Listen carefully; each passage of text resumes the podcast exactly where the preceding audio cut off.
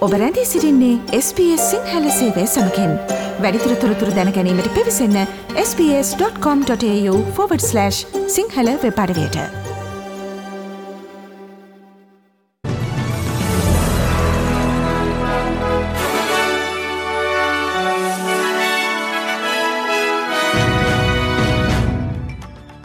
ප්‍රථමයෙන් සිරස්තල. අගමැති මොරිසන් සහ විපක්ෂනායක ඇල්බනීසි අතර දෙවැනි සචීවී මැතිවරණ විවාදය උණුසුම් ලෙස නිමවෙයි. සමලිංගික සිසුන් ආගමික පාසල්වලින් නිරපාහරණ බවට කිසි දුසාක්ෂයක් නොමැති බවට අගමැති මොරිසන්ගෙන් ප්‍රකාශයක්. ඉදිරි මහමැතිවරණය ඉලක්ක කරමින් තරුණ චන්දදායකින්ව ආමන්ත්‍රණය කිරීමට ග්‍රීන්ස් පක්ෂය පියවර ගනයේ. නැගෙනහිර යුක්්‍රේණයේ ගම්මානයක පිහිටි පාසලකට බෝම ප්‍රහරයක් එල්ලවීමෙන් හැට දෙනෙකු පමණ මියගිය බවට සැකයක්. ශ්‍රී ලංකා ජාතික ක්‍රිකට් පිළේ බංග්ලාදේශ ටෙස් සංචාරය ඇරබේ.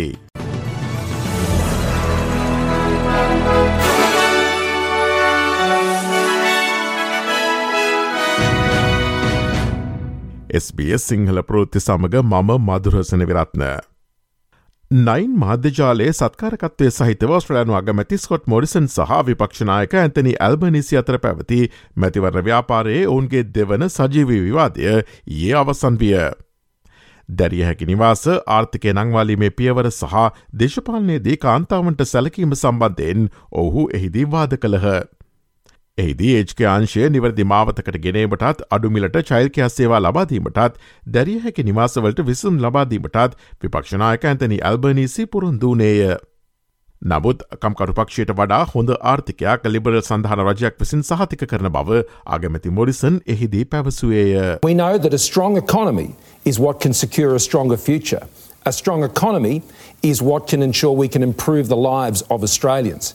And so this election is a choice. about a stronger economy under the plan we've had in place and takes us into the future, or a weaker one, about a stronger future or a more uncertain future. Our plan delivers another 1.3 million jobs, 400,000 more small businesses, investments in the skills and infrastructure that Australians need to grow. මේ අතර විවාදයට සමගාමීව නයින් මාධ්‍යචාලය විසින් කරන ලද මත විමසුමෙන් ජයග්‍රහණය කළේ කවරුන් යන්නද එහිදී හෙළි කළේය. නායකින් දෙදෙනම එම මත විමසුමෙන් සමාන චන්ද ලබා තිබුණේ.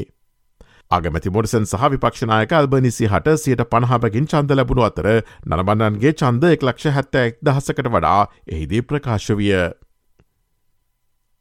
කම්කරු රජයක් ඇටතේ වැඩි වැටුප් සඳහා වූ තමන්ගේ කැපවීම නිවැරදිව ඉටු කරන්නේ කෙසේදයි විපක්ෂනායක ඇතනි අල්බනිසිගෙන් ප්‍රශ්න කර තිබේ. ජීවන වියදම් පීඩනය මධ්‍යය එක තැන පල් වෙන වැටු පර්ධනයක් සමගින් ඔස්ට්‍රලයන්වන් අසාර්ථක වී ඇති බවට කම්කරුපක්ෂය ලිබරල් සඳහනයට චෝදනා කරයි.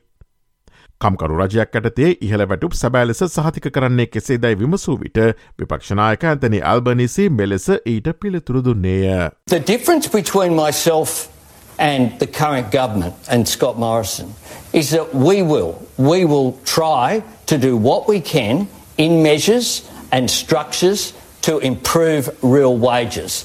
ඊයේ පැවති විවාදයේදී තමා බෙදුම්වාදී නායකයෙකු බවට කරන ලද ප්‍රකාශවලට අගමැති මොරිසන් ප්‍රතිප්‍රහාරෙල්ල කළේය.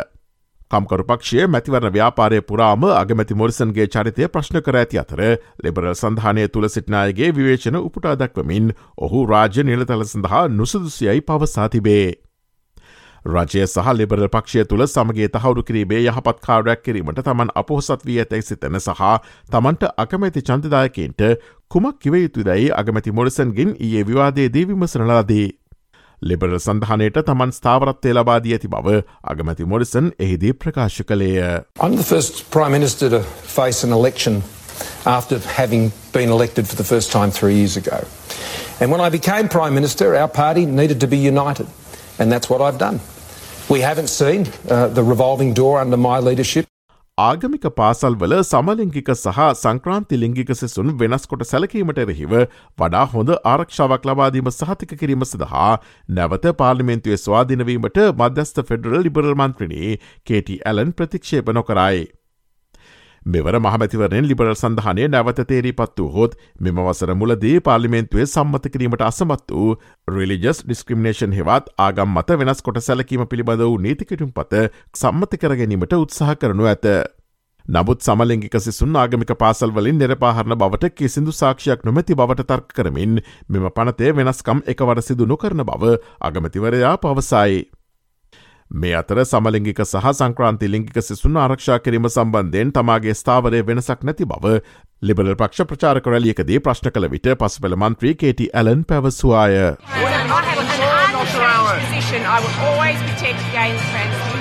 and that's because as a mother and as someone who's also been So do you want to chair at of Melbourne Girls? Grammar and been a very had a very important role to play in making sure we protect gay trans students. I will continue to do that. That's not negotiable. ඉදිරි මහමතිවරණය ඉලක්ක කරමින් තරුණ චන්දදායකින්ව ආමන්ත්‍රණය කිරීමට Greens පක්ෂය පියවර ගනමින් සිටේ.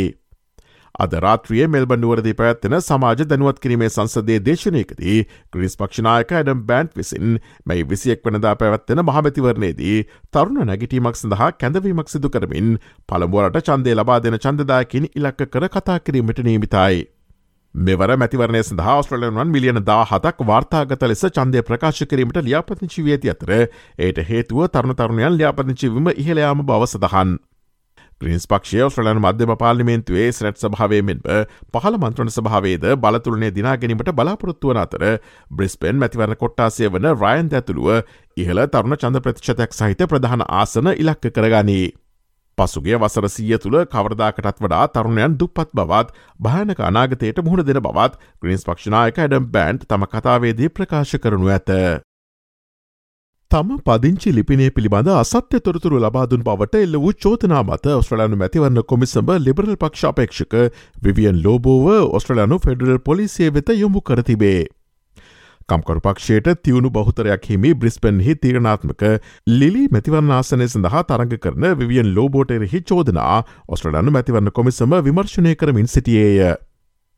ලෝබෝගේ මැතිවරණ අපේක්ෂකත්තය පිළිබඳ මතබෙහිදය පසුගේ සතියේදී ආන්දරනයක් ඇති කළ අතර ඔහු ලියාපදිංචිවීමේ වංචාවක් සිදු කර ඇති බවට කම්කරු පක්ෂය ශ්‍රණන මැතිවරණ කොමිසම වෙත පැමිණිලි කළේය. එහිදේ විවියන් ලෝබෝ බ්‍රිස්පෙන් නුවර උතුරු කලාපේ එවටන් පාකි ඔහුගේ ලියාපති චිලිපිනේ ජීවත් නොව බවට කම්කරු පක්ෂය චෝදනා කළේය. අදාළ නිවාසය පිහිට ඇත්තේ ලිලි මැතිවරනාසනය තුළවන අතර ඔස්ට්‍රලයානු මැතිවරණ කොමිසමේ නිලධහරින් එම ලිපිනයට ගිය විට එය හිස්ස තිබූ අතර එහි මාස කිහිපයකින් කිසිවෙකු ජීවත් නොවූ බව අසල්වාසින් පවසා තිබේ. ශ්‍ර ලංකාවෙන් වාර්තාවන පුවත් අද වැඩ ශ්‍රහණය ශ්‍රී ලංකේ පුවත් තිමසුමෙන් බලාපොරොත්තුවන්න.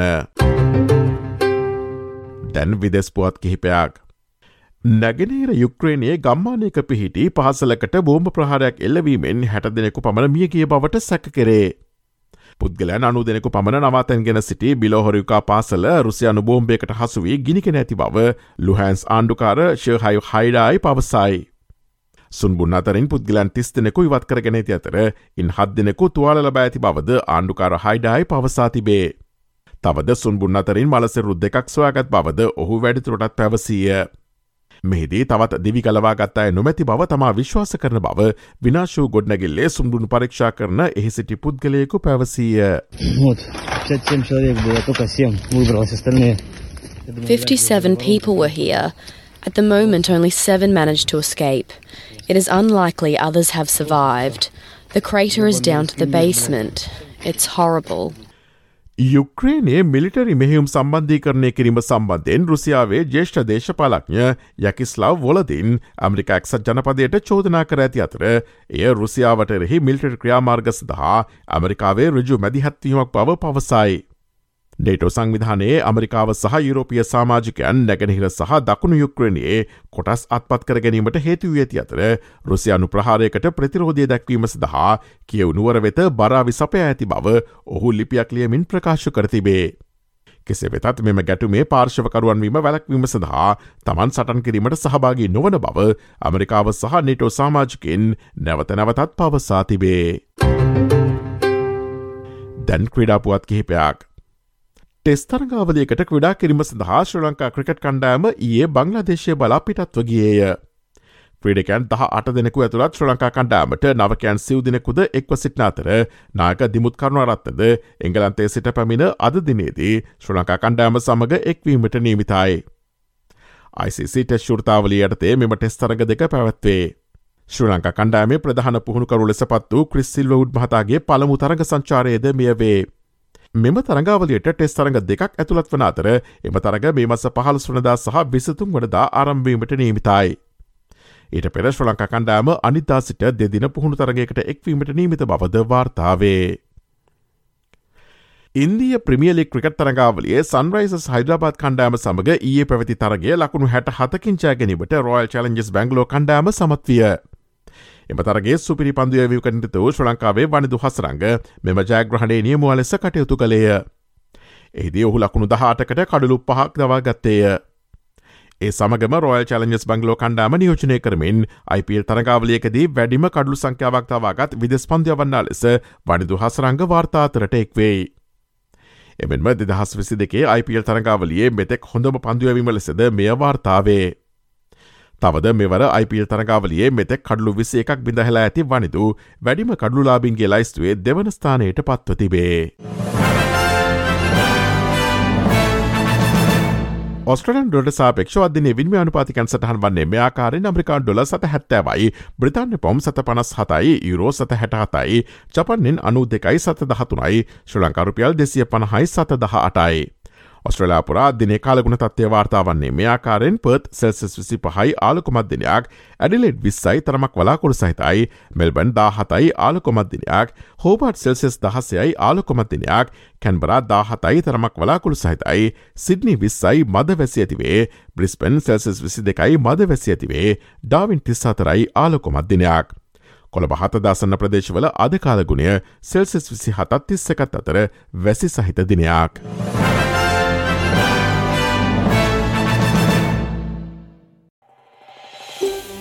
මේ වගේ තවත්තොරතුරු දැනගන්න කැමතිද. එහෙමනම් Apple podcast Google podcast Spotify ඔබගේ පොඩ්කාස්ට ලබාගන්න ඕනෑම මාධ්‍යයකින් අපට සවන්දය හැකේ.